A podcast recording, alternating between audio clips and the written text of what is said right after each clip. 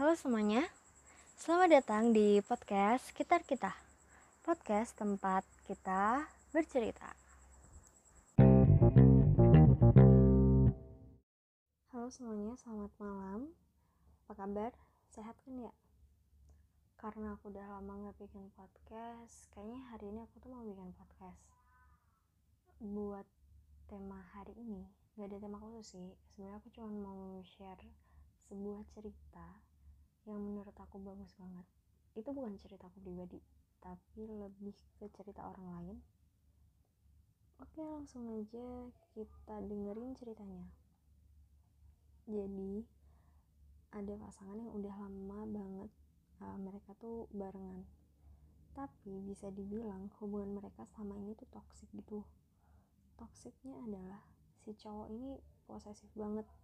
Posesif yang sampai over gitu loh.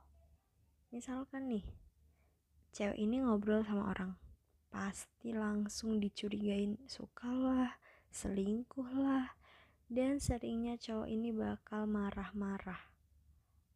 Ketika marah yang keluar tuh kata-kata kotor semua. Dan yang lebih parahnya lagi si cowok ini tuh nggak malu kalau marah-marah depan umum gitu. Jadi dia kayak yaudah kamu mau berantem di sini ya udah ayo berantem di sini. Meskipun itu depan umum. Setelah dengar ceritanya aku jadi mikir kayak kok bisa sih?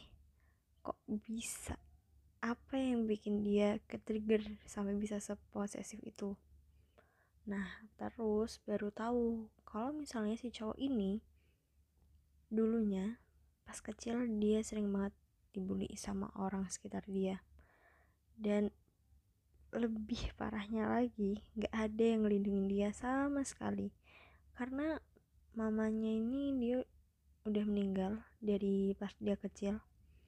Terus papanya kan kayak sibuk banget kerja gitu kan. Jadi ketika dibully tuh dia bener-bener nggak punya orang atau tempat buat berlindung gitu. Nah lambat laun si cowok ini tumbuh jadi orang yang super insecure plus ngerasa takut buat ngomong sama orang gitu loh. Mungkin menurutku sih ya lebih ke takut akan penolakan. Makanya dia milih buat narik diri. Ketika ketemu si cewek karena karakternya tuh kayak beda gitu kan. Si cewek ini ramah banget. Dia bener-bener ramah. Yang sampai ketika kita ketemu pertama kali tuh uh, apa ya kayak ramah banget gitu lah. Sementara si cowok ini kan dia malu ya ketemu sama orang. Nah karena karakternya si cewek ini si cowok ini kayak mulai ngerasa kalau dia tuh diterima sama lingkungannya. Mulai merasa ada kepercayaan diri yang meskipun sedikit tapi lumayan lah ya ada peningkatan gitu. Tapi mulai nih masalahnya di sini sebenarnya si cowok ini kayak apa ya the real bucin kayak cinta banget sama si ceweknya ini. Tapi si cowoknya ini udah mulai bergantung banget dari sisi emosional ke ceweknya. Jadi ketika ceweknya ngobrol sama orang lain yang dia ngerasa lebih dari si cowok itu atau ketika si ceweknya ini rada meragukan kemampuannya, di sinilah nih yang bikin rasa insecure itu muncul. Jadi dia kayak ngerasa, oh nggak nih nggak nih, jangan sampai aku jadi orang yang nggak berguna buat si cewek, yang nantinya dia bakal nolak aku lagi seperti orang-orang sebelumnya. Aku sempat baca-baca juga, katanya kemarahan dan kata-kata kasar itu salah satu bentuk pertahanan diri dia. Jadi biasanya tuh bentuk pertahanan diri biar dia tuh nggak dikira lemah gitu loh. Jadi kayak aku juga bisa tapi caranya salah dengan ngomong kasar. Tapi tetap aja ya itu nggak bisa jadi pembenaran buat apa yang dilakuin sama si cowok. Terus hubungannya sekarang gimana sampai sekarang kayak udah lama banget gitu sih mereka berhubungan sampai sekarang masih tetap lanjut. Kalau misalnya ditanya kenapa nggak udahan? Si ceweknya selalu bilang kayak ya adalah satu dua hal yang bikin gak bisa udahan. Iya sih.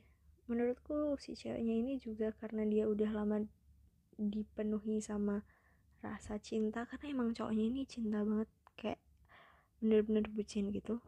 Dia nggak mau nih kehilangan uh, rasa cinta itu. Meskipun kadang-kadang nyakitin gitu loh.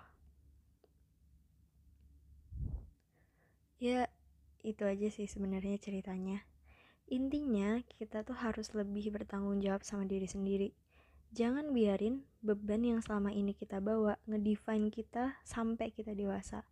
Dan kalau misalnya kita udah dewasa ketika karakter kita udah kebentuk pasti bakal lebih susah kan buat ngelepasin beban yang kita bawa selama ini.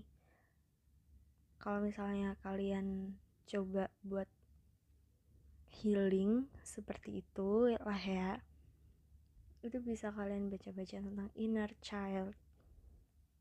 Mungkin ada yang punya trauma masa kecil yang ngerasa ini itu itu bisa dibaca-baca.